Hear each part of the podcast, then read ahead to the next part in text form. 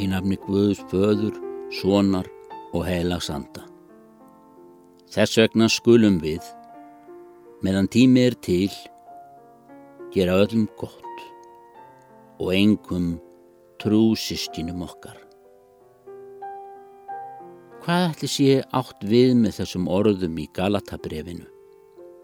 Eigum við að gera upp á milli manna? Nei, fjari fyrir því. Við eigum hins vegar að ebla bandalóg okkar, kristnir menn, og standa saman, þannig eblumst við. Lagi eigum við að gera trú sískinum okkar gott þegar sverfur að og trúin er ofsótt, smánuð og ræð.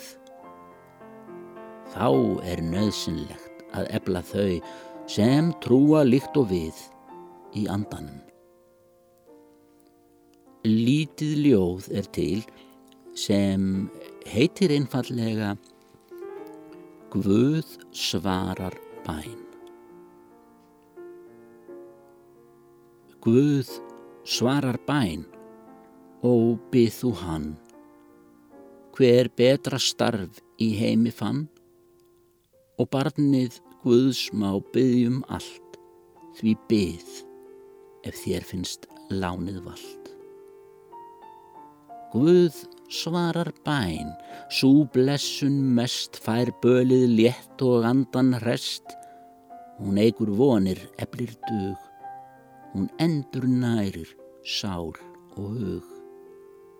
Guð svarar bæn, og byð og byð, því bænin gefur hjarta frið.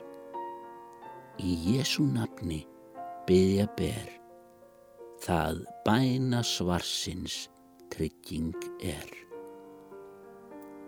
Amen.